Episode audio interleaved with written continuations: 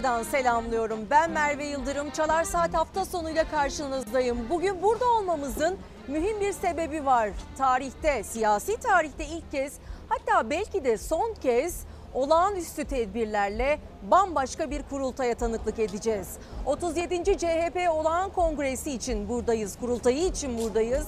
Ve burada iki gün boyunca hem genel başkanlık yarışına tanıklık ediyor olacağız hem de parti meclisinin delegelerin oylamasıyla belirlenmesine tanıklık ediyor olacağız.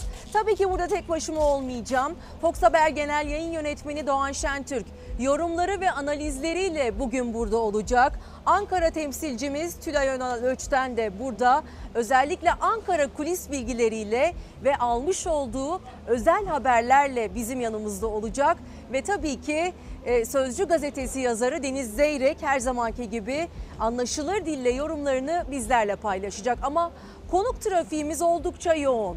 Hem belediye başkanlarını hem delegeleri hem de parti üyelerini burada ağırlayacağız. O yüzden fazla lafı uzatmadan kısaca bulunduğumuz ortamı da sizlerle paylaşmak istiyorum.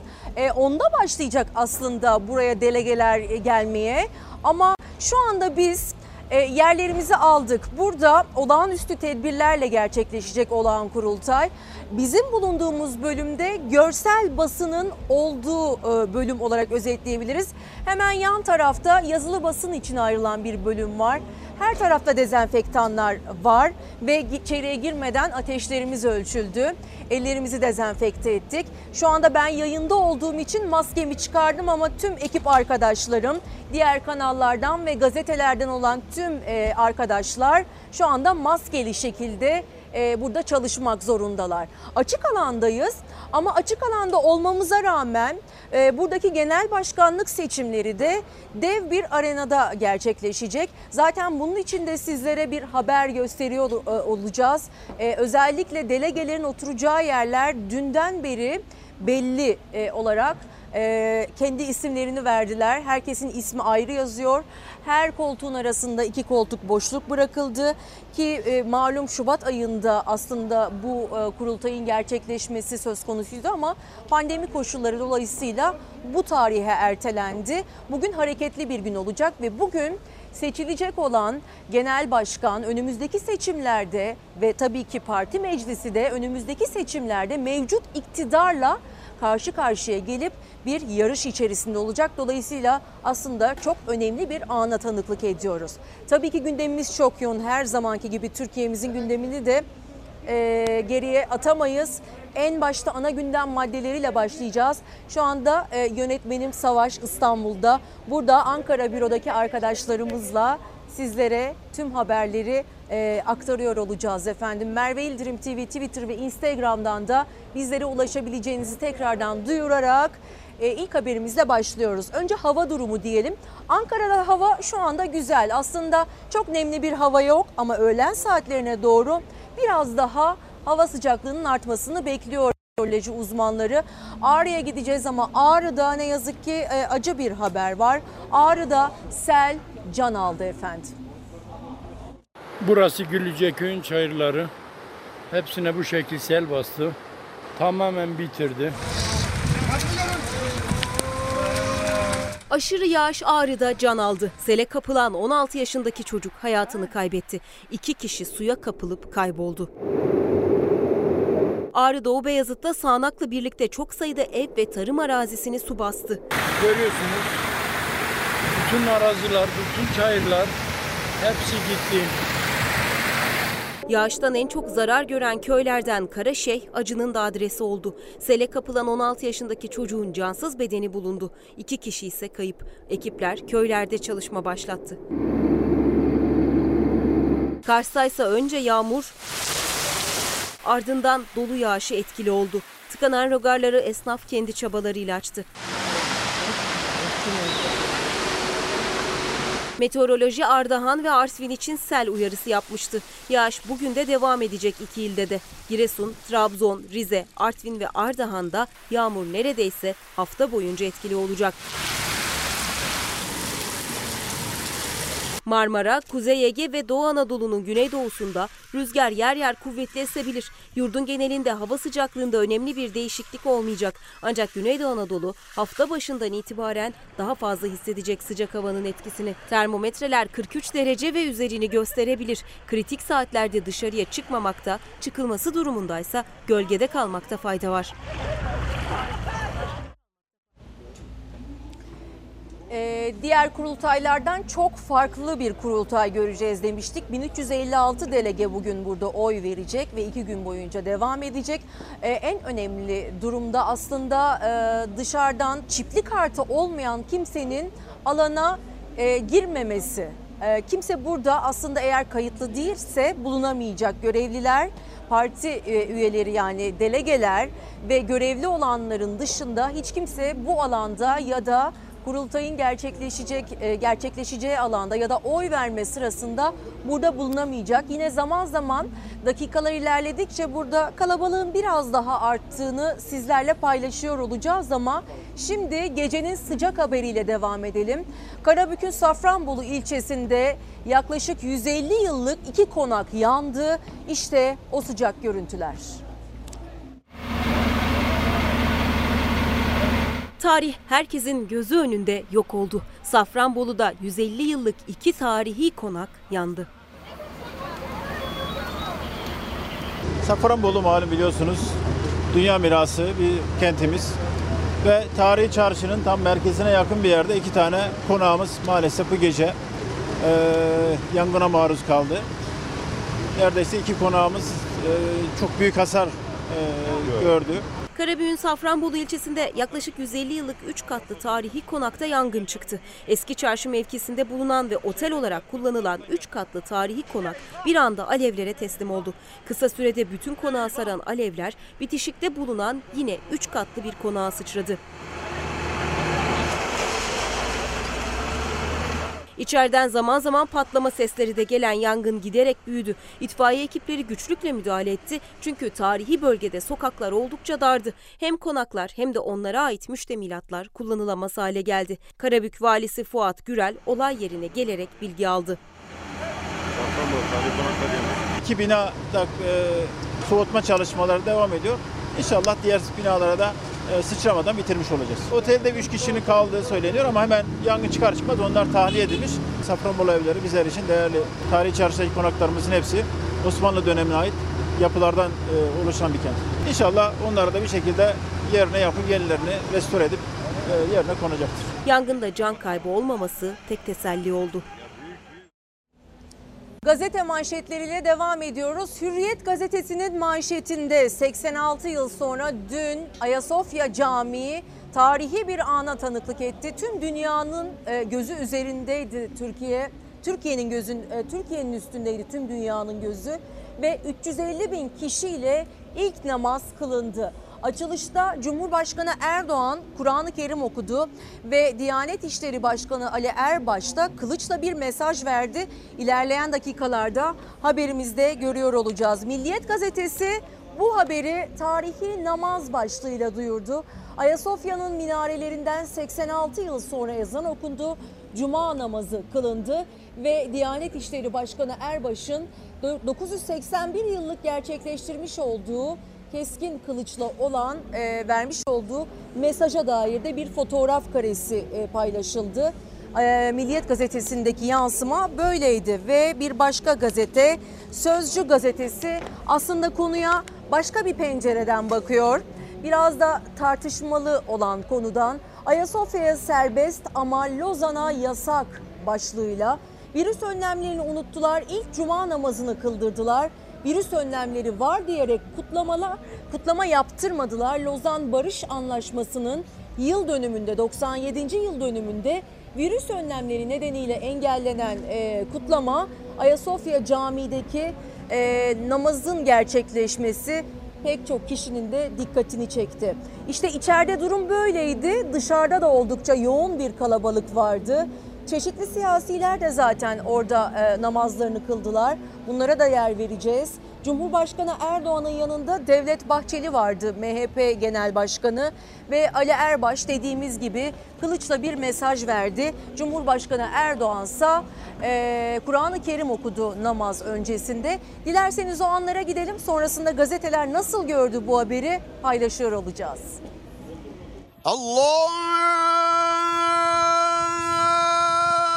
Allahu Ekber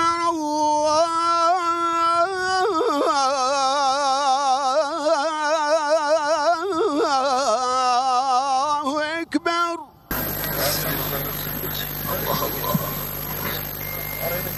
أعوذ بالله من الشيطان الرجيم. بسم الله الرحمن الرحيم.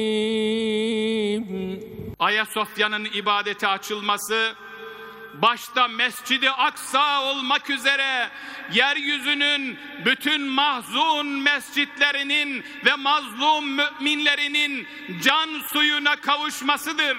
Allahu Ekber. Elhamdülillahi Rabbil alemin. Errahmanirrahim. Dört ayrı minareden ezan yankılandı. 86 yıl sonra Ayasofya Camisi'nde ilk namaz kılındı. Tarihi anlarda Ayasofya'nın içi, avlusu, camiye çıkan tüm yollar cuma namazında buluşanlarla doluydu. Duada eller hep birlikte göğe açıldı, namazda binler hep beraber secdedeydi.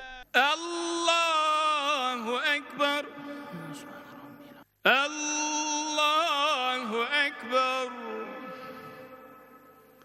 Allahu Ekber. Cami olarak ibadete yeniden açılan Ayasofya Camisi'nde ilk namaz için Cuma'ya verilmişti randevu. Cuma namazı için tarihi yarımadaya akın eden 350 bin kişi meydanları, sokakları doldurdu. Caminin içinde ise freskler, mozaikler açılır kapanır yelken perdeyle kapatıldı. Davetliler yeni serilen halının üzerinde maskeleriyle yerini aldı. Cumhurbaşkanı Erdoğan caminin içinde en ön saftaydı.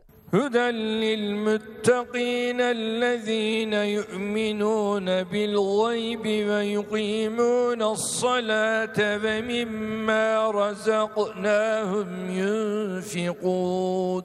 86 yıl sonra ilk namaz öncesinde Erdoğan Kur'an-ı Kerim okudu. Sonra da Diyanet İşleri Başkanı Ali Erbaş'ın duasıyla dakika dakika ezan vakti yaklaştı. Elhamdülillahi Rabbil alemin. Ve salatu ve selamu ala Resulina Muhammedin ve ala alihi ve ashabihi ecma'in. Ayasofya Camii bu tarihi güne yeni göreve başlayan imam ve müezzinlerin okuduğu dualarla başladı.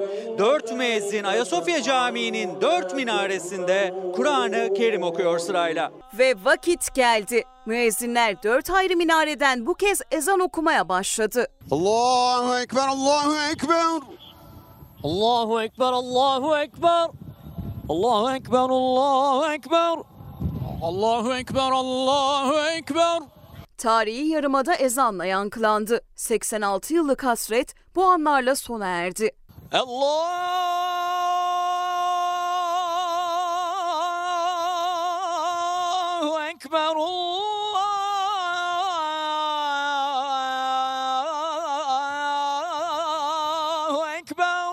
أكبر Elhamdülillahi Rabbil alemin.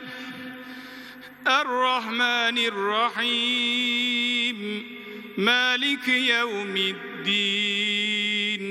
Fatih Sultan Mehmet Han göz bebeği olan bu muhteşem mabedi kıyamete kadar cami olmak kaydıyla vakfedip müminlere emanet bırakmıştır. Bizim inancımızda vakıf malı dokunulmazdır. Dokunanı yakar, çiğneyen lanete uğrar. Diyanet İşleri Başkanı Ali Erbaş Cuma hutbesini bir Osmanlı geleneğiyle kılıçla okudu. Yeşil sancak asılan minberden yine elinde kılıçla indi. Allahu Ekber, Allahu Ekber, Allahu Ekber, Allah. Kısa kısa bilgiler de paylaşmış olalım. Bugün Genel Başkan Kemal Kılıçdaroğlu'nun 3 rakibi olacak. İlhan Cihaner Gelecek, e, Gelecek için Biz grubundan e, 24. dönem milletvekili Denizli milletvekili İlhan Cihaner açıkladı adaylığını. Aytuğ Atıcı yine 24 25 26. dönem Mersin milletvekili ve Tolga Yarman e, CHP Kurultay Onur üyesi de adaylıklarını açıkladı. Yani Kemal Kılıçdaroğlu bugün iktidar mottosuyla çıktığı başkanlık yarışında e, diğer 3 adayla da e, yarışıyor olacak. Ve tabii ki bu Kemal Kılıçdaroğlu'nun ilk kurultayı değil. Kılıçdaroğlu bugüne dek 5 kurultay geçirmiş olacak. Yani bugün 5. kurultayı gerçekleştirmiş olacak. 2010 yılında 33. genel e, olan kurultayda Deniz Baykal'ın yerine gelmişti ve genel başkanlık koltuğuna 2010 yılında oturmuştu. Ve e, sonrasında yine 2012 yılında 1282 delege arasından 1164 oyla genel başkanlığını sürdürmüştü. 2016 yılına geldiğimizde ise 1225 delege arasından 990 e, oyla yine genel başkan olmuştu ve 2018 yılında rakibi Muharrem İnce'ydi. Oldukça sert bir yarış geçmişti e, olağan kurultayda ve Muharrem İnce 447 oyla kaybedip Kemal Kılıçdaroğlu 790 oyda yine genel başkan olarak kalmıştı. Ve bugün de rakipleriyle e, iktidar mottosuyla yola çıkarak e, 37. olağan kurultayda e, delegelerin oylarıyla genel başkanlık e, belirlenmiş olacak. Genel başkan belirlenmiş olacak. 1375 kurultay delegesi önlemler kapsamında ve tedbirler kapsamında burada oy verecekler diyerek yine gündem maddeleri ve gazetelerle devam edelim. Akşam gazetesi Ayasofya Camii'ndeki ilk namazı, ilk namaz duyurusunu tarihi cuma başlığıyla duyurdu. Ayasofya Ayasofya Kebir Camii 86 yıl sonra 350 bin vatandaşın secdeye vardığı ilk cuma namazıyla yeniden ibadete açıldı diyor gazete ve 24 saat boyunca da ibadete açık kaldı Ayasofya Camii. İstanbul Valisi Ali Yerlikaya Başkan Erdoğan'ın talimatıyla caminin artık 24 saat açık olacağı e, açıklandı ve öncesinde de Cumhurbaşkanı Erdoğan Kur'an-ı Kerim e, okudu. Sabah gazetesinde Fatih'in emaneti artık mahzun değil olarak duyuruldu. Milletin özlemi bitti. Dün oldukça kalabalık bir e, görüntü vardı karşımızda. Yaklaşık 350 bin kişiyi buldu. Hem yurt dışından hem şehirlerden, çevre illerden pek çok ziyaretçi ilk namazı kaçırmamak üzere hem Ayasofya Camii'nin olduğu me- meydanda hem de Sultanahmet'e e, uzanan o yolda kalabalıkta e, gözden kaçmadı. Ve başka bir gazeteye geçelim. Türkiye gazetesi mübarek olsun başlığıyla duyuruyor. Esaret zinciri 86 yıl sonra kırıldı. Özüne dönen Ayasofya Camii Cuma namazında cemaatiyle kucaklaştı. Çeşitli fotoğraf karelerini görüyorsunuz. Dışarıda da oldukça yoğun bir kalabalık vardı. Bahçelerden taştı. Emre Üskübarlas ve Mustafa Soybaş aslında takip etti tüm gün bu detayları. Milli Gazete'de 86 yıllık hasret bitti manşetiyle görüyoruz. Ee, 86 yıl sonra Ayasofya'nın cami statüsüne geçmesiyle beraber kılınan namazda çeşitli e, yansımalar vardı efendim. 350 bin kişiyi buldu dedik ilk namaz oldukça kalabalıktı. Bütün dünyanın e, Türkiye'nin üzerinde gözü Türkiye'nin e, üzerindeydi. Çok kalabalıktı ve e, sabaha dek aslında 21 cami, çevredeki 21 camide açık kaldı. Hem ziyaretçileri ağırlamak adına hem de şehir dışından gelen vatandaşlar için e, kapılarını açtı. O anlara e, diyoruz ki tanıklık edelim ve daha yakından görelim neler yaşandı. Sonrasında yine devam ediyor olacağız. الحمد لله رب العالمين الرحمن الرحيم مالك يوم الدين إياك نعبد وإياك نستعين Ayasofya Camisi içinde heyecan tarifsizdi. İçeri giremeyenler de aynı heyecanı dışarıda paylaştı. Gece saatlerinden itibaren Ayasofya Camisi ile Sultanahmet Camisi arasındaki meydan dolmaya başladı. Tarihi güne tanıklık edebilmek için sadece şehir dışından değil, Dünyanın dört bir yanından gelenler vardı. Ayasofya birinci cuma namazı. O için geldik. Kazakistan'dan gelip burada nasip oldu Allah'a şükür. Ayasofya'nın etrafındaki 21 cami sabaha kadar kapılarını kapatmadı. Sabah namazıyla birlikte iyice arttı alandaki kalabalık. Meydanda ve Ayasofya'ya çıkan yollarda kılındı sabah namazı. Saat 10'da Ayasofya Camisi'nin avlusu açılacaktı ama alan erkenden doldu. Valilik saat 10'dan itibaren kalabalığın Ayasofya ve çevresine alınacağını açıklamıştı ama saatler 9'u gösteriyor. Meydan büyük ölçüde dolmuş durumda. Bekleme yapmayalım. Bu taraftan. Ayasofya Camii tüm gece ve gündüz ziyarete açık olacaktır. Koronavirüse karşı cuma namazlarında uygulanan sosyal mesafe kuralı Ayasofya'nın önünde askıya alınmış görülüyor. Aslında girişlerde ateşler ölçülüyor, maske dağıtılıyor ama kalabalık o kadar fazla ki işte Ayasofya'nın önünde yan yana o kurala pek uyulmadan saf tutulmuş halde. Çevre illerden kaldırılan otobüslerle gelenlerle birlikte meydan saatler geçtikçe daha da kalabalıklaştı. Çok geçmeden valilik girişleri durdurdu. Alana giremeyenler Yeni Kapı miting alanına ve çevredeki camilere yönlendirildi.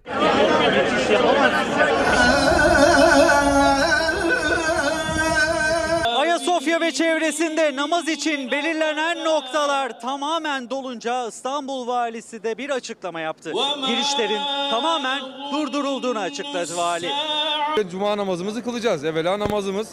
Ama yasaklandıysa bu e, tedbirler doğrultusundadır. Devletimizin bir bildiği vardır. Diyanet İşleri Başkanlığı'nın davet listesindekiler içerideydi. Meydanı dolduranlarsa kurulan ekranlardan programı izledi. Cumhurbaşkanı Erdoğan'ın Ayasofya Camii'nde Kur'an-ı Kerim okumasının ardından Diyanet İşleri Başkanı Ali Erbaş'ın duasına geçildi. Ayasofya Camii'nin önünde toplananlar o anları cami önüne kurulan dev ekrandan takip ediyor. Sadece sağlık değil güvenlik önlemleri de üst seviyedeydi. Keskin nişancılar kuş uçurtmadı. Ayasofya ve çevresinde çok yoğun güvenlik önlemleri var. 20 bini aşkın polis güvenliği sağlıyor. Hatta Ayasofya'nın üstünde bir keskin nişancı uzun menzilli otomatik tüfeğiyle nöbet tutuyor. İlk cuma namazını kılanlar arasında Ayasofya'nın camiden müzeye dönüştürülmesine ilişkin davayı açan ve kazanan İsmail Kandemir de vardı. Danıştay'ın kararı Kandemir'in davası sonucu geldi. Çok mutluyum. Devam istiyorum. 86 yılın sonunda kılınan ilk cuma namazından sonra Ayasofya Camisi koronavirüse karşı dezenfekte edildi ve ziyarete açıldı. Namaz kılınmayan vakitlerde cami ziyaretçilerini ağırlayacak. Cuma namazının ardından Ayasofya Camii'ne ilgi devam ediyor. İşte hatıra fotoğrafı ve video çektirmek isteyenler sırayla Ayasofya'nın içindeler. Hızla ikindi namazına hazırlandı cami. İlgi yine çok yoğundu. Allahu Ekber Allahu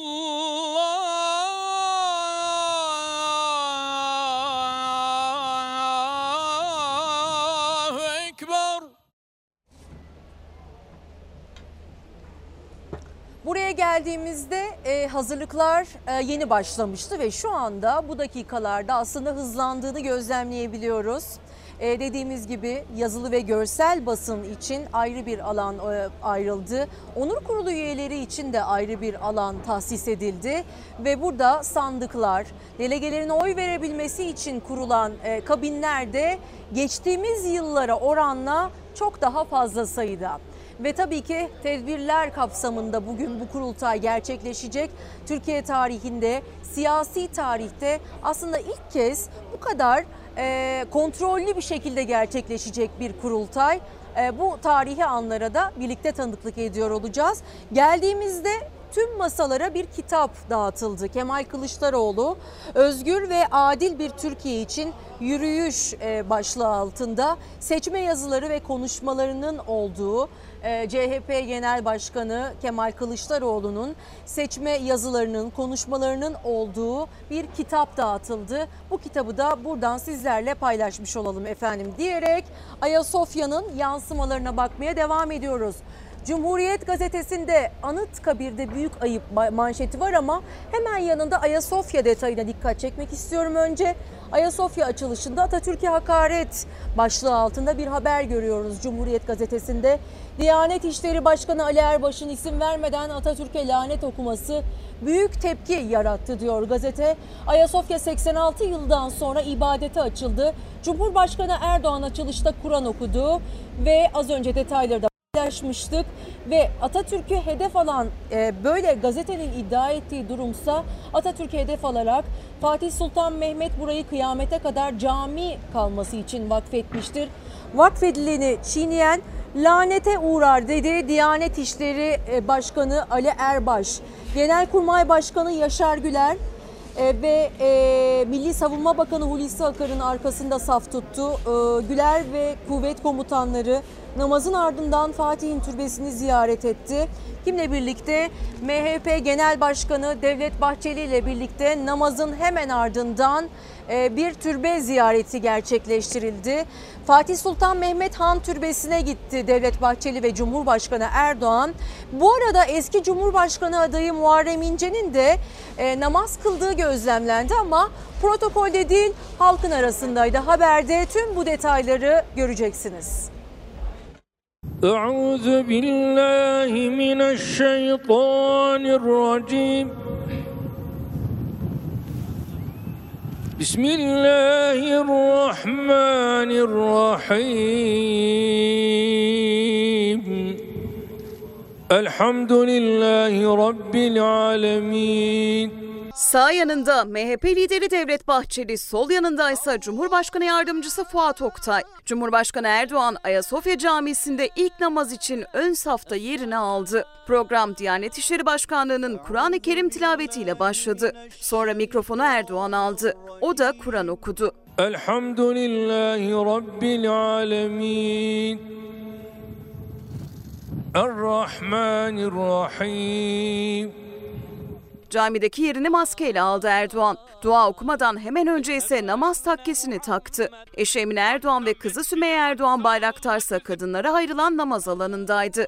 Elhamdülillahi Rabbil alemin.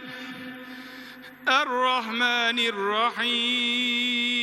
Erdoğan, Bahçeli Meclis Başkanı ve bakanlar 86 yıl sonra ilk namazı yan yana kıldı. Tarihi günde cuma namazı için yarım adayı dolduranların sayısını da yine Cumhurbaşkanı Erdoğan açıkladı. Az önce resmi rakam olarak aldığım 350 bin kişi bugün cuma namazına iştirak etmiş. Bu tabii çok çok önemli bir aşkın aslında mahsulüydü.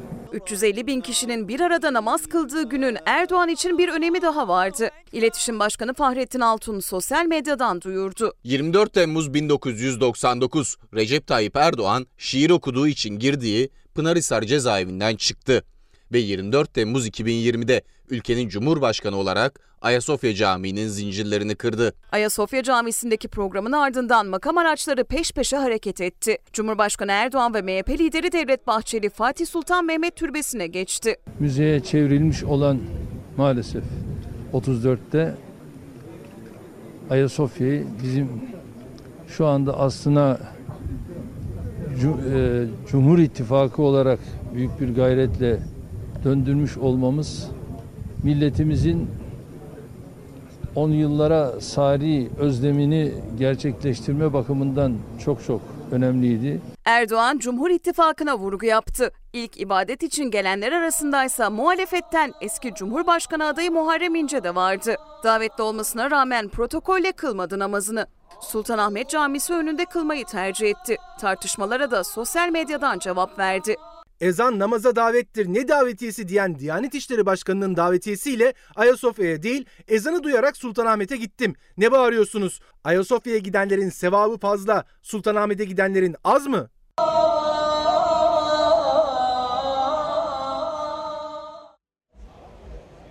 Evrensel Gazetesi'nde eleştirel bir yaklaşım var. İbadeti şova dönüştürdüler başlığı görüyoruz. Danıştay'ın kararının ardından ibadete açılan Ayasofya'da ilk namaz şova dönüştü. Namaz töreninde Cumhur İttifakı'nın liderleri katılırken Cumhurbaşkanı ve AKP Genel Başkanı Erdoğan Kur'an-ı Kerim okudu. Diyanet İşleri Başkanı Ali Erbaş Cuma hutbesine elinde kılıçla çıktı. Ve görmüş olduğunuz e, fotoğraf karesinde de aslında sosyal mesafesizliğin bir göstergesi eleştiriliyor. Ayasofya'nın açılışı için bir araya gelen kalabalık koronavirüs riskini hiçe saydı. Fiziki mesafe ve koronavirüs tedbirlerinin ortadan kalktığı buluşma en çok vaka artışının yaşandığı İstanbul için endişeleri artırdı. İlerleyen dakikalarda tabii ki koronavirüs tablosuna da göz atıyor olacağız. Ama İstanbul'da özellikle durum kritik ve şu anda halen biz yükselişin önüne geç e, geçemedik ve bu durumda da aslında şapkamızı önümüze koyup uzun uzun düşünmemiz gerekiyor. Dün Ayasofya'da yaşanan e, kalabalık tepkilere neden oldu. O tepkileri de konuşacağız ilerleyen dakikalarda ama Akşam gazetesinden de bir yansımayla bakalım. Tarihi Cuma olarak duyurdu Akşam gazetesi ve burada kalabalığın da fotoğrafını görüyorsunuz. Yaklaşık 350 bin kişi hem çevre illerden hem yurt dışından e, gelenler vardı ve oldukça yoğun bir kalabalıkla Ayasofya Camii'nde ilk cuma namazı kılındı. Karar gazetesinde Ayasofya coşkusu başlığını görüyoruz. 86 yıl sonra ibadethane statüsü verilmesinin ardından ilk cuma namazına e, devlet protokolünün yanı sıra büyük ve coşkulu bir kalabalık katıldı. Tarihi günde Ayasofya Meydanı'na akın eden on binler geceden itibaren seccadelerini serdiler. Bu arada gece boyunca orada yine kalabalık vardı ve e, dört minareden e, dört farklı makamda ezan okundu. Erdoğan ilk namaza 350 bin kişinin katıldığını duyurdu ve halen de oradaki kalabalık gece boyunca da devam etti. Ama bir da- davet polemiği vardı.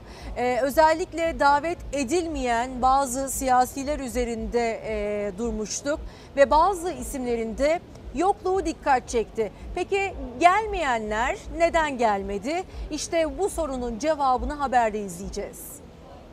Allahu Ekber, Allahu Ekber. Bana davet gelmedi. Gelseydi giderdim herhalde. Bir protokol gerektirmez. Başka zamanda gideriz. Geçmişte Ayasofya Camii'ne ben gittim. Bunu bir başkasının bilmesine gerek de yok. Yarın yine gideriz. Bunu ben böyle çok allandırıp pullandıracaklarını e, tahmin ediyorum da bu dönemde bir pandemi var. Tabii orada olmak güzel bir şey ama e, ille de bir merasim münasebetiyle olmak şart olarak da görmüyorum. Ayasofya'da 86 yıl sonra tarihi bir an yaşandı. O anlarda İstanbul'da değil de Ankara'da olan siyasiler nedenlerini bir bir anlattı. Diyanet İşleri Başkanı tarafından bizzat aranarak davet edilen Saadet lideri Temel Karamollaoğlu da davetiyesi son 24 saat kala kargoyla gönderilen İstanbul Büyükşehir Belediye Başkanı Ekrem İmamoğlu da hiç davetiye gönderilmeyen Deva Partisi lideri Ali Babacan'da. Ayasofya'da zaten namaz kılınıyor idi. Orada hünkâr kasrı var. Burada ana yapının içinde namaz kılınıp kılınmaması karardır aslında. Hükümetin pek çok konuda başka problemleri örtmek için sürekli olarak gündeme getirdiği farklı farklı maddeler oluyor. Ayasofya'daki tarihi cuma namazı için davet giden isimlerden birisi de Saadet lideri Temel Karamollaoğlu'ydu. Ama o cuma namazı için İstanbul'da değil Ankara'daydı. Diyanet İşleri Başkanımız bizzat arayarak davet ettiler. Tabii bugün müthiş bir izdiham olacağını az çok biz de biliyorduk. Katılma imkanımız bu sefer olmadı ama gönlümüz Ayasofya'daydı. 86 yıl sonra kılınacak ilk tarihi namaz için gözler İstanbul'da Ayasofya Camii'ne çevrilmişken Ankara'da da dikkat çeken isimler vardı. İstanbul Büyükşehir Belediye Başkanı Ekrem İmamoğlu Cuma namazı için Hacı Bayram Veli Camii'ne geldi. Perşembe günü öğleden sonra ulaştı. Sözlü bir e, arama oldu mu? Yok hiçbir şekilde olmadı ve olabilirdi de. Yani aranabilirdim de aranmadım. Ama ben Ankara'dayım. Kurultayımız var.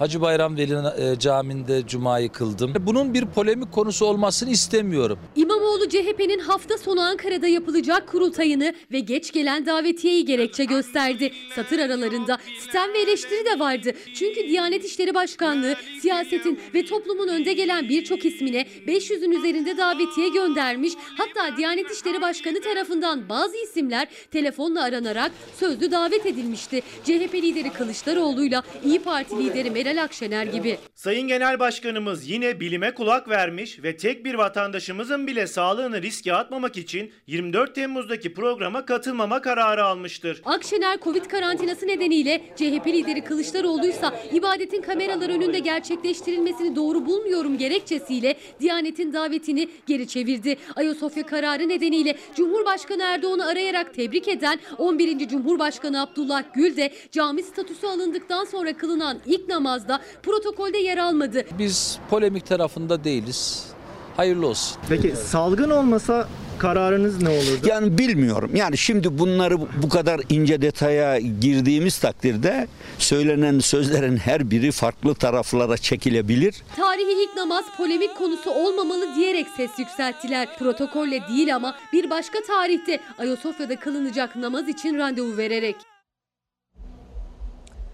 Zaman geçtikçe burası hareketlenmeye başladı aslında. Akif Balıkçıoğlu şimdi bizim bulunduğumuz bölgeden sizlere görüntüleri ulaştıracak. Hareketlilik var ama e, hareketlilik aslında bizim bulunduğumuz bölgede başladı. Şu anda e, içerideki durumu sizlere aktaramıyoruz. E, görebiliyor muyuz? Evet şu an burası bizim bulunduğumuz nokta. Basın mensuplarının yayın yapacağı nokta. Oldukça aralıklı olarak yerleştirildi masalar.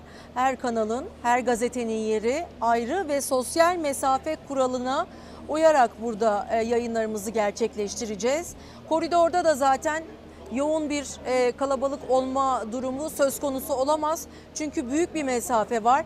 Hemen ilerlediğin e, biraz daha ilerlediğimizde e, delegelerin ve genel başkan adaylarının, genel başkanın e, aslında konuşmalarını yapacağı ve e, orada tüm e, seslerin yükseleceği e, alana da görebileceğiz ama bunun için biraz beklememiz gerekiyor. Bu arada hafta boyunca bizler e, kadın haklarını tartıştık. Ne yazık ki bir kadın daha cinayete e, kurban gitti ve e, bugün aslında bu konuya da dikkat çekmek amaçlı e, kurultayı bir kadın yönetecek efendim. Onunla da birazdan e, buluşturacağız sizleri. E, Özlem Çerçi, e, Özlem Çerçioğlu Aydın Belediye Başkanı e, burada e, bu kurultayda öncülük yapacak bir kadın olarak ve onun sesini de buradan bir kez daha bir kadın olarak onun yönetmesinin de ayrı bir önem taşıdığını da sizlere belirtmiş olalım efendim. Şimdi gün boyu dün Ayasofya Camii üzerineydi gündem. Oldukça yoğun bir kalabalık vardı ve gece boyunca da o kalabalık aslında devam etti. Bekleyişini sürdürenler vardı. Binlerce kişi akşam, yatsı ve sabah namazlarını Ayasofya Camii'de kıldı.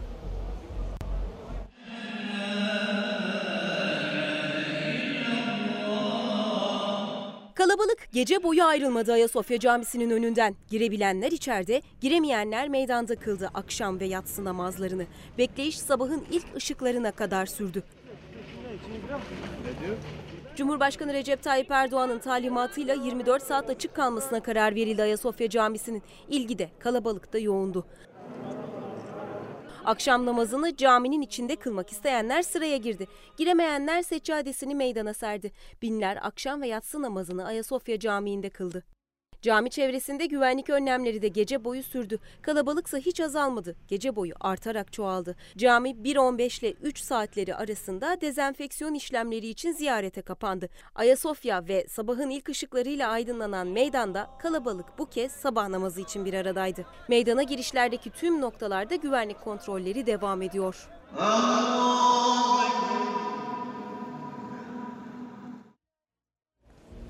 Ee, İyi Parti'den de Ayasofya Camii açılışına istinaden bir açıklama geldi. Ağar Alioğlu bakın neler söyledi. Biz bugün buraya bize bu şehri hediye eden şehitlerimiz adına katıldık. Bu şehri alan Fatih adına katıldık. Bu şehri İngiliz işgalinden kurtaran Mustafa Kemal Atatürk adına katıldık. Bu şehri memleketle beraber 782 bin kilometre karelik vatanı üstünde ezanıyla, gökyüzünde dalgalanan bayrağıyla Türkiye Cumhuriyeti Devleti'ni bize içinde huzurla yaşayacağımız vatanıyla bırakanlar adına aslında katıldık. Biz Ayasofya meselesi konuşulurken aslında özel bir mutabakat zemini oluşturduk. İktidarı muhalefeti çok ayrılmadı. Ortak bir sükunetti bu. Sadece bu tür meselelerden daha önemli sorumluluklarımız vardı. Meselelerimizi çözelim bir taraftan. Bir taraftan da gerçek sorumluluklarımızı hatırlayalım istedik. AK Parti'nin burayı açmak iradesini, müzeyi camiye dönüştürme iradesini Cumhuriyet Halk Partisi de biz de ortak bir mutabakat zeminine çektik aslında. Suistimal edilmesin, çekiştirilmesin, tarihi şahsiyetler ve tarihi kahramanlar üzerinden bilek güreşi yapılmasın. Kimse eskide mücadele etmiş, vatana hizmeti geçmiş insanlar üzerinden toplumu birbirine hasım etmesin. Bu temennilerle açtık. Bugün buraya o duygularla geldik. Ayasofya'ya içinde ibadet etme imkanı bulduğumuz andan itibaren Ayasofya'nın bizim omuzlarımıza yüklediği sorumluluğu heceledik. Cuma namazında izdihamı önlemek için valilik pek çok önlem aldı. Pek çok yol kapatıldı ve e, valiliğin talimatıyla metro seferleri de durdu. Ama ne yazık ki o anlarda metroda bulunan bir grup öfkelendi ve kadın makinisti darp etmeye çalıştı. İzdihamı önlemek için metro seferleri valilik kararıyla durduruldu. Öfkeli vatandaşlar kadın makinistin üzerine yürüdü. Valilik inceleme başlattı.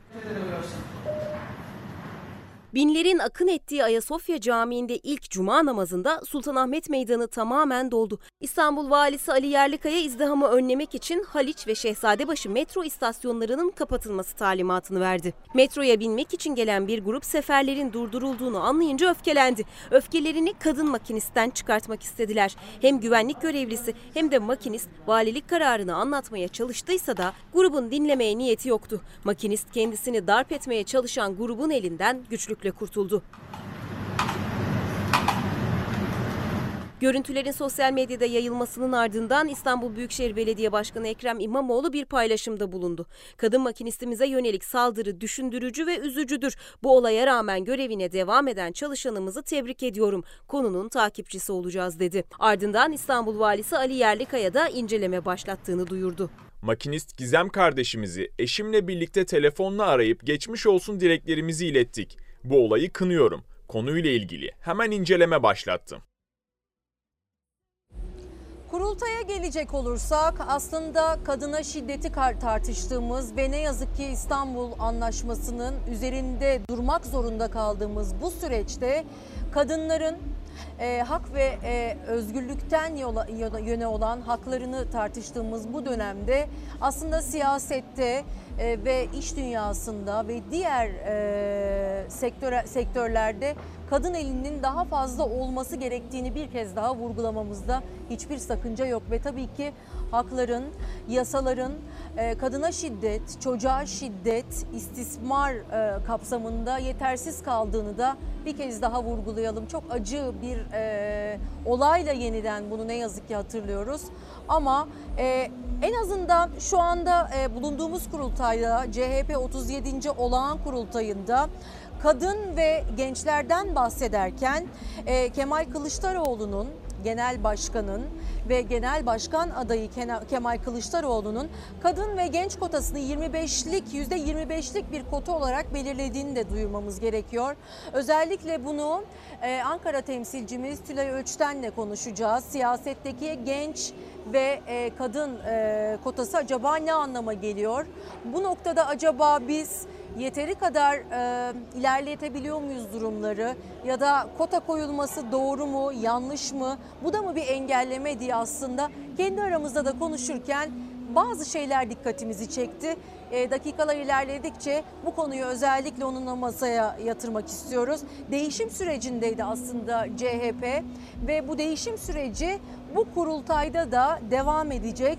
Özellikle eğer Genel Başkan Kemal Kılıçdaroğlu olarak kalırsa ki en e, e, güçlü rakip Kemal Kılıçdaroğlu 60 kişiden parti meclisi üyelerinden e, 60 kişilik parti meclisi üyelerinden 50 50 kişinin değişeceği e, konuşuluyor aslında kulislerde ve bu değişecek olan kişiler acaba kimler olacak? Nasıl bir değişim sürecinde olacak? E, gidenler olacaktır muhakkak ki, kalanlar da olacaktır ama sürpriz isimler var mı? Şu anda partide kulislerde neler konuşuluyor? Özellikle genel yayın yönetmenimiz son bir haftadır e, Ankara'daydı ve durumu yakından takip etti. Hem diğer parti e, liderleriyle görüşmelerini gerçekleştirirken hem de e, olağan kurultayda konuşulan ve yeniden e, düzenlenecek olan parti meclisi e, kulis bilgilerini de aldığını tahmin ediyoruz efendim. Şimdi e, bir tartışma daha vardı. Dün meclise baktığımızda mecliste Lozan tartışması çıktı. Tarihi anlaşmanın 97. yıl dönümünde e, CHP'li Özgür Özel Lozan Türkiye'nin tapu senedidir dedi ve arkasından bakın nasıl sesler yükseldi.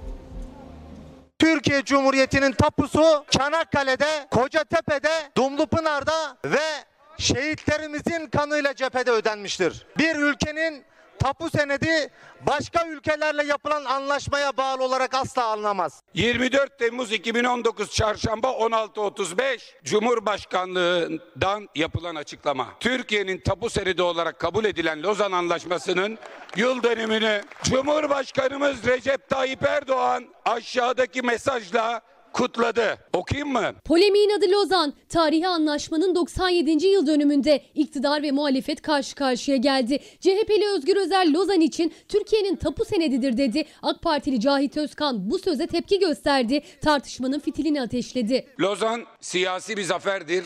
Lozan diplomatik bir zaferdir. Anadolu'da Türkiye Cumhuriyeti'nin çok da sağlam bir temel üzerine inşa edilmesini sağlayan bir temeldir. Lozan Anlaşması imzalandı ve Türkiye'nin kurucu senedi, tabu senedi ortaya kondu. Madem ki bir tapudan bahsediliyorsa o tapu da her şeyden önce 1176'da 7 Eylül'de gerçekleştirilen Mirya Kefalon Savaşı'yla Anadolu'nun isminin Diyar-ı Rum'dan Diyar-ı Türkiye çevrilmesidir. Yunanlılara terk ettiğiniz 16 adadan bir haber verin. Bir, sağlığında hiç gezmediği kadar, seyahat etmediği kadar seyahat ettirdiğiniz şu Süleyman Şah Türbesi'nin vatan toprağı denilen o toprakları niye terk ettiniz onu anlatın be kardeşim.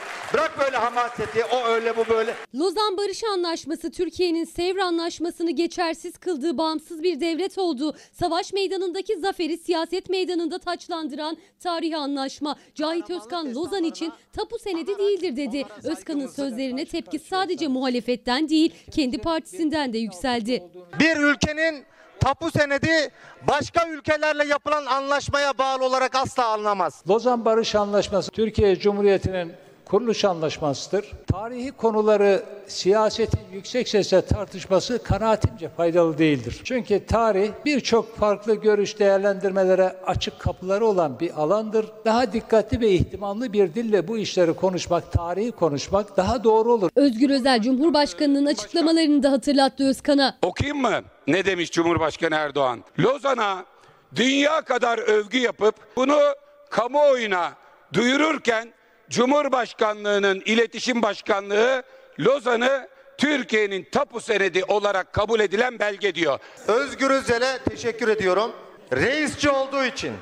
Sayın Cumhurbaşkanı konuşmalarından derlenen bir kitap göndereceğim. Çünkü Sayın Cumhurbaşkanı'nın konuşmalarını aksine görüşmeler, konuşmalar yapıyorsun. Ona da ayıp ediyorsun bence. Lozan tartışması yeni günde de devam etti bu kez. Adres Anıtkabir'di. Atatürkçü Düşünce Derneği, sendikalar ve bazı sivil toplum kuruluşları Anıtkabir'i ziyaret etmek istedi. İddialarına göre ziyaret izinleri de olmasına rağmen önce tadilat sonra da dezenfektasyon çalışması var denilerek içeri alınmadılar. Anıtkabir yetkililerinin temizlik gerekçesiyle Anıtkabir'e girişin yasak olduğu açıklandı. Bir süre Anıtkabir girişinde bekleyen kalabalık CHP Grup Başkan Vekili Özgür Özel'in gelmesi ve Anıtkabir Komutanlığı ile görüşmesinin ardından içeri alındı. Atanın huzuruna çıktı. 37. olan kurultayı bir kadın yönetecek demiştik. Aydın Büyükşehir Belediye Başkanı Özlem Çerçioğlu divan başkanı olarak görev yapacağı e, amfiye gelmiş. Onunla birini aldık. Görüntüleri şu anda aktaramıyoruz ama ilerleyen dakikalarda oradan çok sıcak görüntüler aktarıyor olacağız. Dediğimiz gibi olağanüstü şartlarda olağan bir kurultay gerçekleşecek Ee, ve bu kural bu kurultayda da yine iki aşamalı bir yarış bekliyor. Ee, bu arada slogan iktidar olarak yola çıktı CHP. Ee, iktidar kurultayı başlığı altında aslında bu kurultay gerçekleşiyor. Söz müzik Al- Ali Altay'a ait iki şarkı var. İktidarın yolu Kılıçdaroğlu ve bir de rap şarkısı var. Özellikle Z kuşağını etkisi altına alan bir rap şarkı paylaşıldı sosyal medyada. O da e, ikinci blokta sizlerle buluşacak efendim. Şimdi kısa bir reklam arası vereceğiz. Merve Yıldırım TV Twitter ve Instagram'dan görüşlerinizi, sorularınızı, yorumlarınızı haberlere dair bırakabilirsiniz, yazabilirsiniz, paylaşabilirsiniz. Saatlerimiz şu anda 9.19'u gösteriyor. Bugün günlerden cumartesi ve ve tarih 25 Temmuz 2020. Ankara'dan yayındayız. Bugün burada çok önemli konuklarımızı ağırlayacağız. Şimdi bir kahve ve çay molası veriyoruz ve dönüşte burada gündem maddeleriyle buluşuyoruz efendim. 37. olağan CHP olağan kurultayından Ankara'dan yayındayız. Olağanüstü koşullarda e, siyasi tarihimizde ilk kez gerçekleşen böyle bir kurultaya tanıklık ediyoruz. Konuklarımız olacak bolca. Özellikle e, 10-15'te ilk netleşen konuğumuz İstanbul Belediye Başkanı e, Ekrem İmamoğlu burada olacak. Ve tabii ki e, yorumlarıyla Fox Haber Genel Yayın Yönetmeni Doğan Şentürk, Ankara temsilcimiz Süreyya Ölçten burada olacak. Sözcü gazetesi yazarı e, Deniz Deyrek yorumlarıyla burada olacak. Delegelerden, e, parti meclisi üyelerinden ve genel başkanlardan, e, belediye başkanlarından pek çok konuğumuzu ağırlıyor olacağız. Burada yine hazırlıklar e, reklam arasında da devam etti. Özellikle dezenfekte çalışmaları an be an yapılıyor diyebiliriz. Biraz daha hareketlendi aslında bizim bulunduğumuz bölge ve diğer bölgeden de aldığımız e, duyumlara göre delegeler de yavaş yavaş alana gelmeye başladılar. Bugün ilk oylama genel başkanlık yarışı için olacak. Kemal Kılıçdaroğlu e, iktidar mottosuyla yola çıktı ve CHP olağan kurultayı hedef iktidar söylemiyle e, yarışa hazırlanıyor. Ama karşısında 3 aday var, 3 rakibi var. E, hemen onlarda İlhan Cihaner, Aykut Atıcı ve Tolga Yarman. Onlar da bu yarışta yerlerini alıyor olacaklar. Oylama için de tabii ki çok sıkı tedbirler alındı. Örneğin sandık sayısı e, yükseltildi ve kabinlerde en fazla 10 kişi oy verebilecek. Daha önce bu rakam çok daha fazlaydı ve açık alanda otoparkta kuruldu hem oy, oy kabinleri hem de sandıklar açık alanda bizim bulunduğumuz bölgede zaten dört tarafı açık alan pandemi koşullarında işte böyle e, tedbirler doğrultusunda tedbirler kapsamında bir kurultay gerçekleşiyor. Değişim e, sürecindeydi CHP ve bu değişim sürecinin e, kurultayla birlikte devam edeceğinin de haberlerini aslında sizlere ulaştırabiliriz. Parti meclisinden 60 kişilik parti meclisinden 50 kişinin değişeceği konuşuluyor. Tabii ki bunlar kulis bilgileri ama e, özellikle kadın ve genç kotasının üzerinde durulduğunu ve bugün kurultayı bir kadının yöneteceğini de bir kez daha vurgulayalım. Arzu Çerçioğlu, Aydın Büyükşehir Belediye Başkanı. Burada bir kadın olarak Çerçi, Arzu Çerçioğlu, özür dilerim Arzu Çerkezoğlu Disk Başkanı.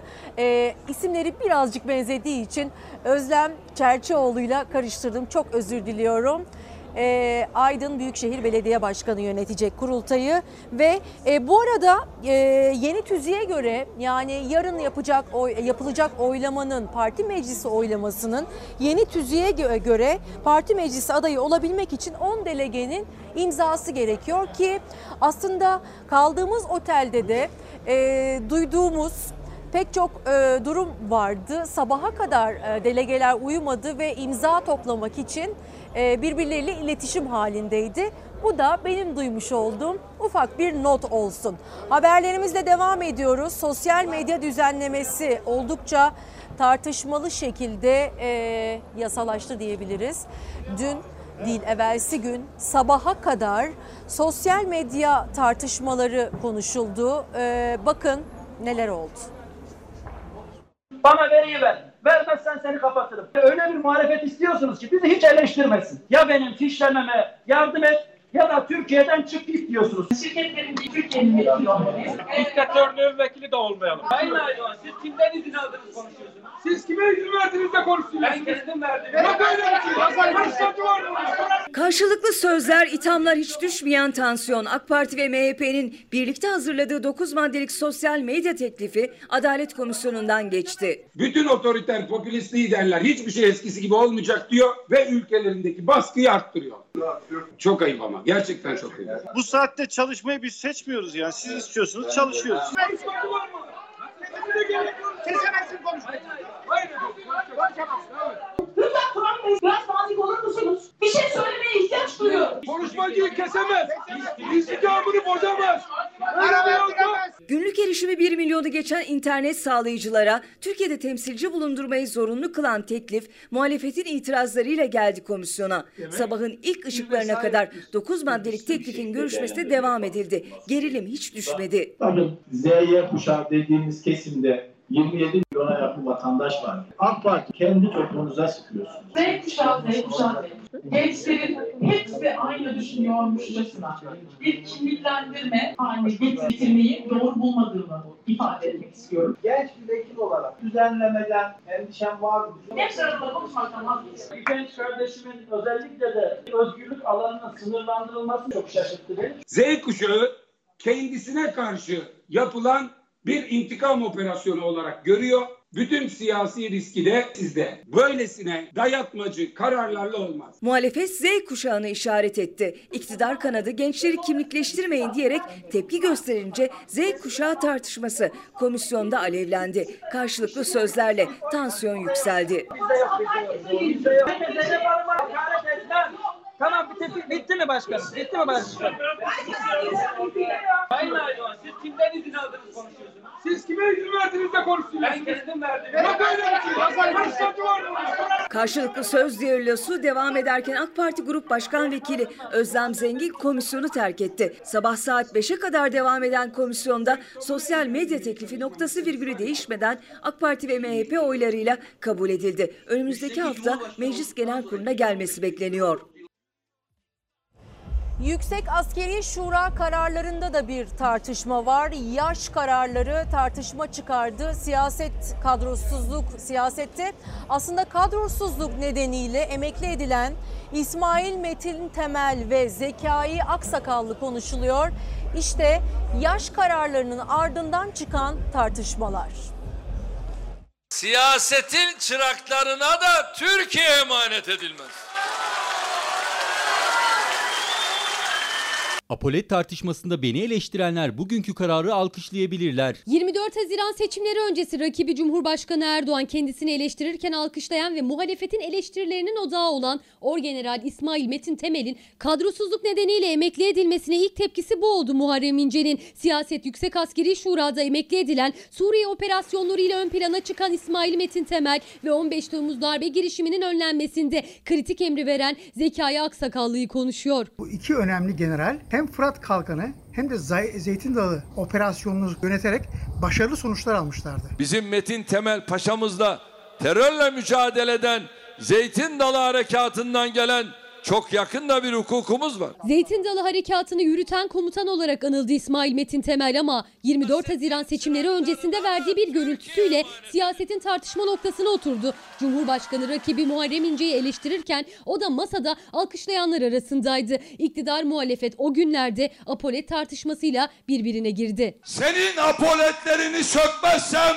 ben de Muharrem İnce değilim. Bana bak biz terörist olanın apoletini söktük. Bu komutanımızın apoletlerini sökecek müptezel henüz anasından doğmamıştı. Seçim sonrası Orgeneral İsmail Metin Temel Genelkurmay Denetleme ve Değerlendirme Başkanlığına getirildi ve sonrasında Cumhurbaşkanı Erdoğan'ın imzasıyla kadrosuzluk nedeniyle emekli edildi. 24 Haziran seçimleri öncesi apoletlerini sökeceğim diyen Muharrem İnce'den emekliliğe sevk edilmesine yanıt gecikmedi. Kışlaya siyaset girmemelidir. Girerse dün kahraman ilan edilen bugün kadrosuzluk nedeniyle emekli edilir. Apolet tartışmasında beni eleştirenler bugünkü kararı alkışlayabilirler. Bu tür görev yapan insanlara yapılan muameleler ve onların mükafatlandırılmamış olması arkadan gelen komutanların da heyecanını ve karar almalarını etkileyebilir. Milletin ordusu olan bu ordunun siyasallaşmaktan uzak tutulması gerekmektedir. Muhalefet kadrosuzluk nedeniyle emekliye sevk edilen iki komutanı konuşurken hükümet bu konuda şimdilik sessiz. Karar gazetesinden bir detay paylaşalım. Ekonomik operasyonun büyüğü akıl dışı politikalar. Bu sözler Deva Partisi Genel Başkanı Ali Babacan'a ait. Siyasete başladığım 2001'den beri dini terminolojiyi hiç kullanmadım. Dinimizin kutsallarının günlük siyasette kullanılmasına toptan karşıyım. Ekonomik operasyonun en büyüğü akıl dışı, bilim dışı, irrasyonel politikalardır. Seçim şartlarında kararlar alınır ancak ittifak gündemimizde yok. Biz siyasi kimliğimizin inşasıyla meşgulüz. Şu an şu aşamada ittifakları düşünürsek özgün kimliğimiz olmaz. Ayasofya ile ilgili bana davet gelmedi, gelseydi giderdim dedi. Deva Partisi Genel Başkanı Ali Babacan ve her açıklamasında eski partisi e, AK Parti'yi e, aslında hedef alıyor. Deva Partisi Genel Başkanı Ali Babacan, eski ekonomi başkanı, e, eski ekonomi bakanı en son açıklaması iktidarı yine uzmanlık alanı üzerinden yani ekonomi üzerinden eleştirmesiyle başladı ve ekonomi politikaları üzerinden iktidarı eleştiren Ali Babacan'a tepkiler de yavaş yavaş geliyor gibi. Eskiden tanıdığımız bir e, Sayın Tayyip Erdoğan var yani ama şu andaki şartlar değişti bir. İki çevresi değişti. Hala ekonomi üzerinden bizi vurmaya gayret eden densizler var. Yollar ayrıldı, sözler sertleşti. AK Parti iktidarının ekonomiye dış saldırılar var söylemine sert eleştiriler bir dönem en yakınında ekonominin dümeninde olan Deva Partisi Genel Başkanı Ali Babacan'dan geldi. 2018 Ağustos ayında tarihin en sinsi ekonomik saldırılarından birine maruz kaldık. Ekonomik operasyonun en büyüğü akıl dışı, bilim dışı, rasyonelite dışı ekonomi uygulamalarıdır. Ben adına politika bile diyemiyorum. Operasyonun en büyüğü kötü yönetim. Kötü olan her şeyi bize yıkma hesabı içerisinde olanlara da zaten milletin hesabını sorar. Bünyeniz sağlam olsa bir şey olur mu? Bünyenizi sağlam tutun, hiçbir şey olmaz. 2010'da biz %10 büyüdük, 2011'de bir %10 daha büyüdük. Nasıl yaptık? O zaman kötü yönetilseydi Türkiye, Avrupa'daki krize benzer krize Türkiye'de yaşardı. Ondan sonra o gün hükümet çıkardı derdi ki dış dalga geldi, biz de vurdu, ne yapalım? O kadar kolay ki dışarıya suçu atmak. Ekonomiye dış operasyondan çok kötü yönetim iddiasıyla içeriye dikkat çekti Ali Babacan. Eski partisiyle ilgili çıkışlarında vites artırdı. Ya sen bakansın kalkıp ben ben ben ne beni ya? Bir başbakan onay vermeyecek. Sen kalkacaksın bir bakan olarak adım atacaksın. Bunu kime yutturuyorsunuz? Sayın Cumhurbaşkanı şöyle bir kenara koyun. Parti diye bir şey var mı? Ben öyle bir şey görmüyorum. Bir kişi ve o kişinin söyledikleri, verdiği talimatlar üzerinden yürüyen bir aparat yani. Özgün bir bir AK Parti politikası diye bir şey var mı bugün yani? Sayın Cumhurbaşkanı'nın politikaları var. 2020 sonbaharında yapılacak olası bir baskın seçim henüz örgütlenme aşamasındaki Gelecek ve Deva Partisi'nin seçime girmesi için risk. Babacan normal şartlarda seçim 2020'de olmaz ama 2023'e de kalmaz dedi. Bu tabloyu iki faktörün değiştirebileceğini de söyleyerek. MHP desteği çektiği anda hem Cumhurbaşkanı'nın hem de AK Parti'nin iktidar olma anlamında siyasi meşruiyeti biter. Burada Bahçeli faktörü önemli. O da büyük bir bilinmeyen faktör. Bahçeli'nin hangi gün erken seçim lazım diyeceği tamamen bir muamma. Ama ülkenin ekonomik, siyasal, sosyal şartları da bir faktör. Yani o şartlar çok çok bozulursa o zaman da kaçınılmaz hale gelir. Seçim ihtimalinden ekonomiye AK Parti'den Cumhurbaşkanı'na kadar sözünü sakınmadı Deva Partisi lideri Babacan. Sözleri iktidar kanadında ne yankı bulacak, yanıt gelecek mi? Gözler AK Parti'de ve Cumhurbaşkanı'nda. Ve gelelim koronavirüs gündemine. Karar gazetesinden bir detayla başlamak istiyorum. Sağlık Bakanı Koca rastgele taramanın sonuçlarını açıkladı. Pozitiflerin %46'sı İstanbul'da sözleriyle devam etti. Virüste vaka sayılarında uzmanların beklediği azalış sağlanamazken Sağlık Bakanı'nın paylaştığı veriler hala kritik aşamada olduğumuzu ortaya koydu. Türkiye genelinde 150 bin kişiye yapılan rastgele tarama testlerinin sonuçlarını açıklayan Bakan Koca, her bin kişiden 2.5'inin pozitif olduğunu bildirdi ve pandeminin merkez üstüne dikkat çekti. Vakaların %46'sı, can kayıplarının %50.2'si İstanbul'da yaşandı ve metropol, metropolde rastgele test oranı ise 2.9'a çıkıyor. Bu Türkiye genelinden yüzde 18 e, 13.8 yüksek ve ne yazıktır ki dün tarihi anlarda Ayasofya Camii'nde e, kılınan e, namazda da çok yoğun bir kalabalık vardı. Hem şehir dışından hem yurt dışından gelen ibadetini gerçekleştirmek isteyen vatandaşlarımız da orada e, bir kalabalık e, arasında bulundu. Biliyoruz ki bunun da sonuçları ağır olmasın. Tabii ki Allah kabul etsin ama e, koronavirüs önlemleri çerçevesinde sosyal mesafe kuralının aşıldığını da gözlemlemekte uzmanlar. Güvenilir olmayan testlere milyonlarca dolar ödendi diyor Evrensel Gazetesi. Kitlerin uluslararası onayı yok. Aslında Ankara Tabip Odası Başkanı Vedat Bulut uluslararası onayı olmayan güvenilirliği düşük tanı kitleri ve düşük test sayısıyla vaka sayılarının az gösterilmeye çalıştığını ifade etti. Ve Bulut Bakanlığa 4 milyon 400 bin test için milyonlarca dolar kime ödenmiştir diye sordu. Rastgele teste korkutan bir oran olduğunu da Fahrettin Koca belirtmişti. Ve Fahrettin Koca 150 bin rastgele test yapıldığını açıklasa da uzmanlara göre bu yeterli değil. Ve İstanbul rakamları da ne yazık ki ürkütücü. hala biz toplum içerisinde hastalığı yayan insanları bulup onlara test yaparak onları kontrol alma yöntemini uygulamıyoruz. Hala biz risk gruplarına yönelik bireysel risk yönetimi çalışması yapmıyoruz. Son 24 saatte 937 yeni vaka teşhis edildi. 1009 kişi sağlığına kavuştu. 17 kişi ise hayatını kaybetti. Sağlık Bakanı Fahrettin Koca iyileşen hasta sayısıyla yeni vaka sayısı arasındaki farkın düne göre azaldığını vurguladı. Uzmanlara göre vaka sayısının yüksek olmasının sebebi yeterince test yapılmaması. Sağlık Bakanı Fahrettin Koca ise bakanlığın 150 bin kişiye rastgele test yaptığını açıkladı. Rastgele test edilen her 1000 kişiden 2,5'inde test sonucu pozitif çıkmıştır. Vakaların %46'sı İstanbul'da tespit edilmiştir. Covid-19 salgını Türkiye'de bütün hızıyla devam ediyor. Vaka sayıları artıyor. Toplam test sayımızın ise 4,5 milyona yaklaştığını hatırlattı Sağlık Bakanı Fahrettin Koca. Yoğun bakım ve entübe hasta sayısının ise erken tanı, yaş, kronik hastalık ve benzeri durumlara bağlı olarak düşüş ve yükseliş gösterdiğini söyledi. Hastanelerde yoğun bakım yataklarındaki hasta sayısı oldukça yüksek. Alınan önlemler yeterli değil. Suçun vatandaşa atılması doğru değil. Doktor Serdar Savaş'a göre sadece maske ve mesafe tedbiri yeterli değil. Virüsle mücadelenin çok daha yaygın yapılması gerekiyor. Çünkü salgın tüm illere yayıldı. Doktor Savaş'a göre salgının kontrol altına alınamamasının bir sebebi de teşhis koyarken kullanılan yöntem. Savaş'ın iddiasına göre bazı koronavirüs hastalarına sadece zatürre tanısı konuluyor. Ateşle, e, akciğer şikayetleriyle hastaneye gelenlere test yapılmadan bilgisayarlı tomografi çekiliyor ve tomografi sonucunda da pnömoni teşhisi konularak e, gönderiliyorlar. Uzmanların asıl endişesi ise yaklaşan sonbahar. Hastalığın hızla yayılması özellikle önümüzdeki Eylül-Ekim aylarında ürkütücü tablolarla, daha da ürkütücü tablolarla karşılaşacağımızı gösteriyor.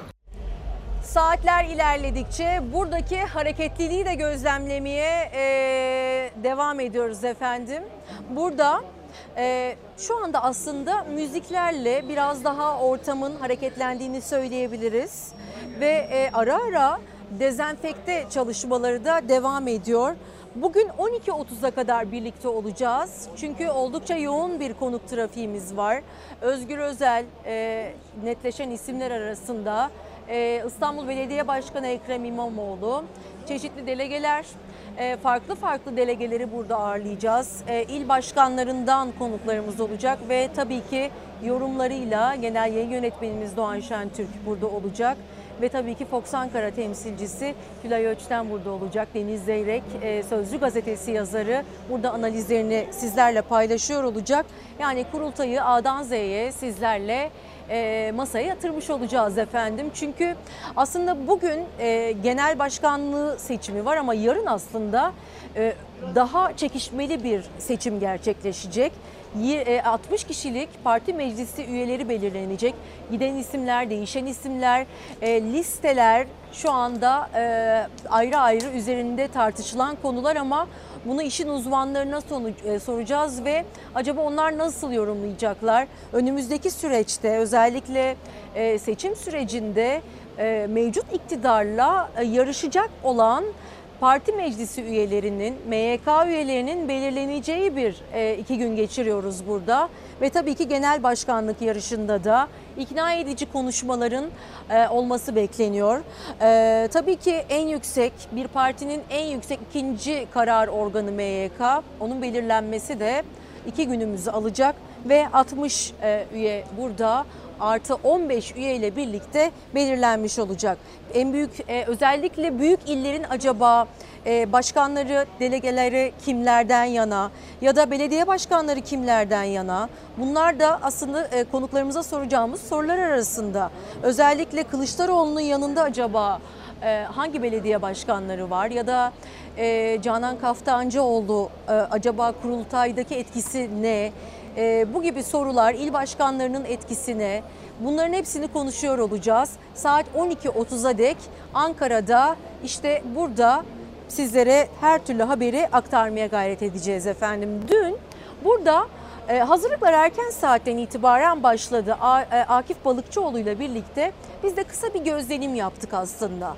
Burada olağanüstü koşullarda bir olağan kurultay gerçekleşiyor ve tarihte ilk kez böyle bir manzaraya tanık oluyoruz. Dileriz ki pandemi en kısa sürede e, biter ve bir daha bu şartlar altında e, çalışmak ve yayın yapmak zorunda da kalmayız. Rahat rahat maskesiz e, bir şekilde burada herkes gibi özgür şekilde dolaşabiliriz. Ama şu andaki durum olduğundan daha farklı. Gördüğümüz kurultaylardan çok daha farklı. Şöyle birkaç izlenim göreceksiniz şimdi. Sonrasında bir müzik arası vereceğiz. Sabahlar e, kulaklarımızın pasını silinmesi için ideal zamanlardır. O esnada kahveler ve çaylar hazırlansın. 12.30'a da 30'a dek birlikteyiz.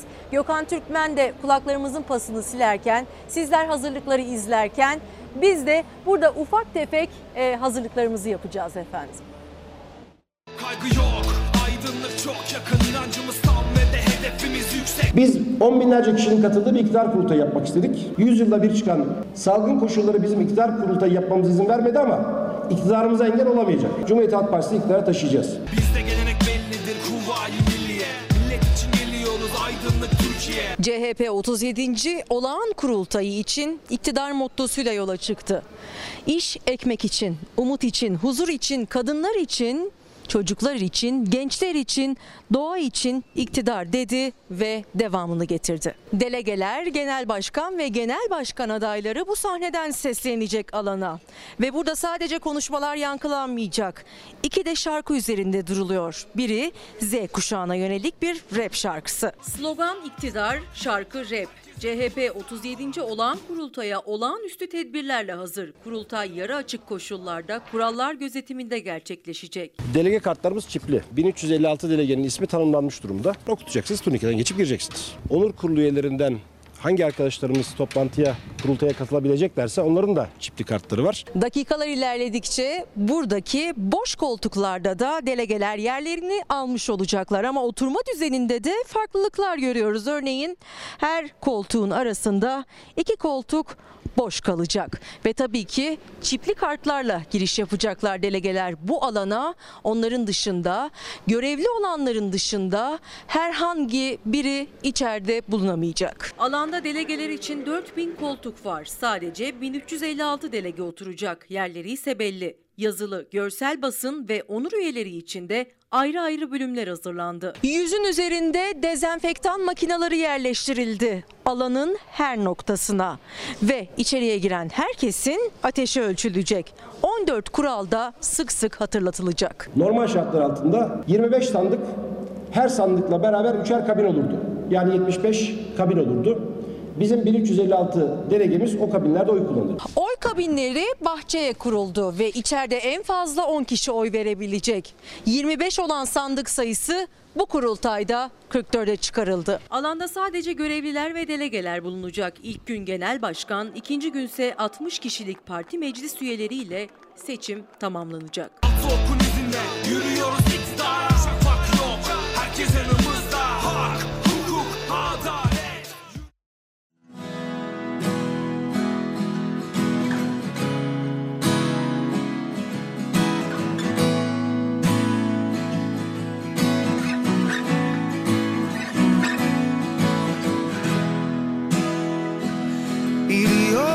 çok defa söyledim Çok anlattım.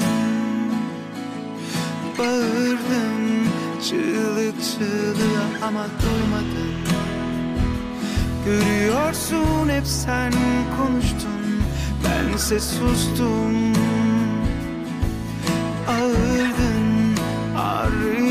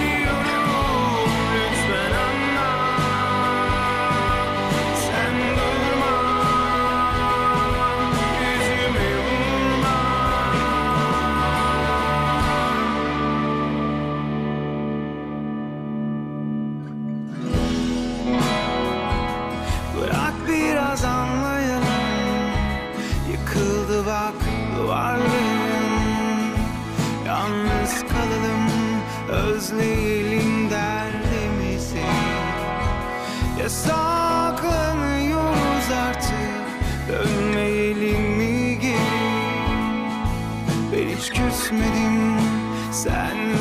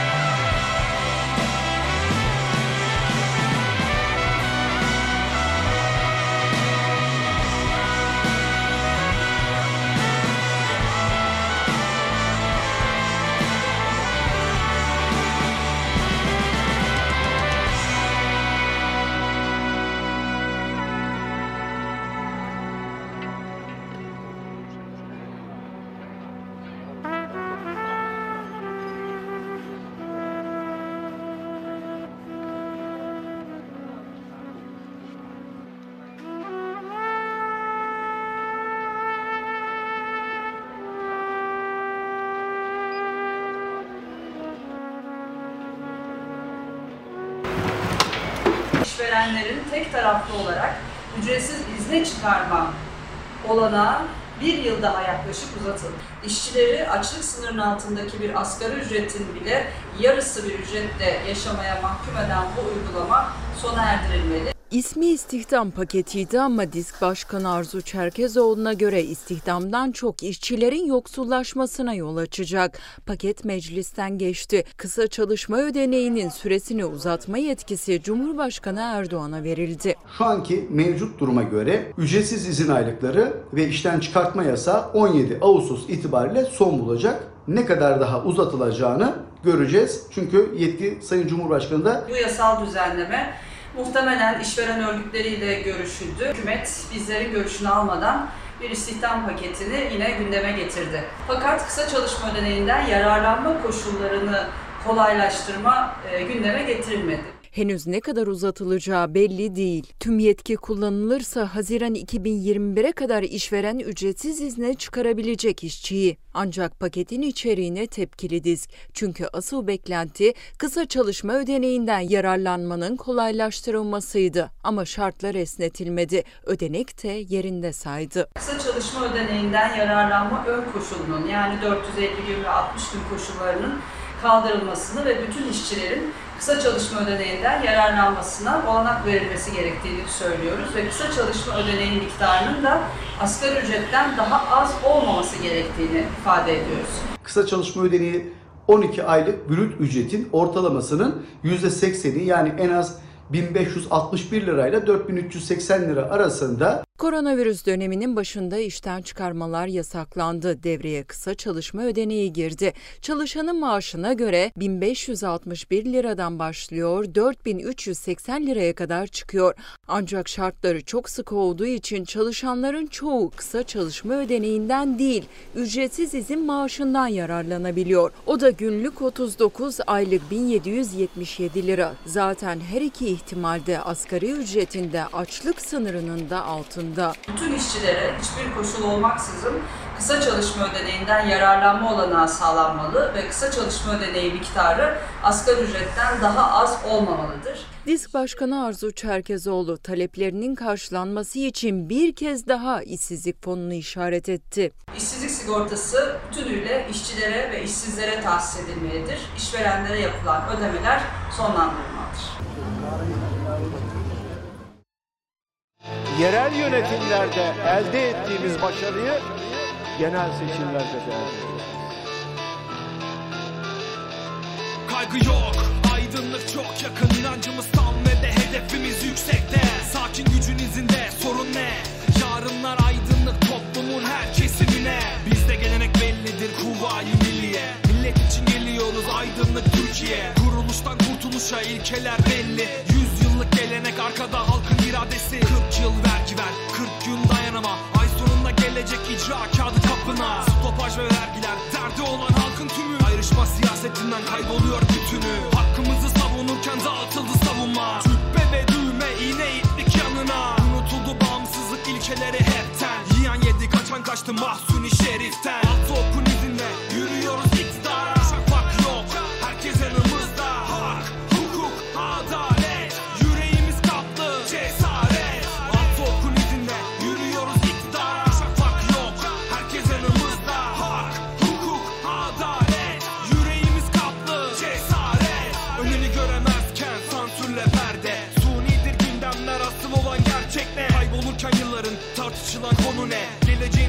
Düşünen bu çocukların suçu ne? 2008'de doğdum 5000 dolar borçla. Şimdi ise günümüzde 5 kat daha fazla. 20 sene oku çalış kazansın sadaka Merak etme bizle birlikte gelecek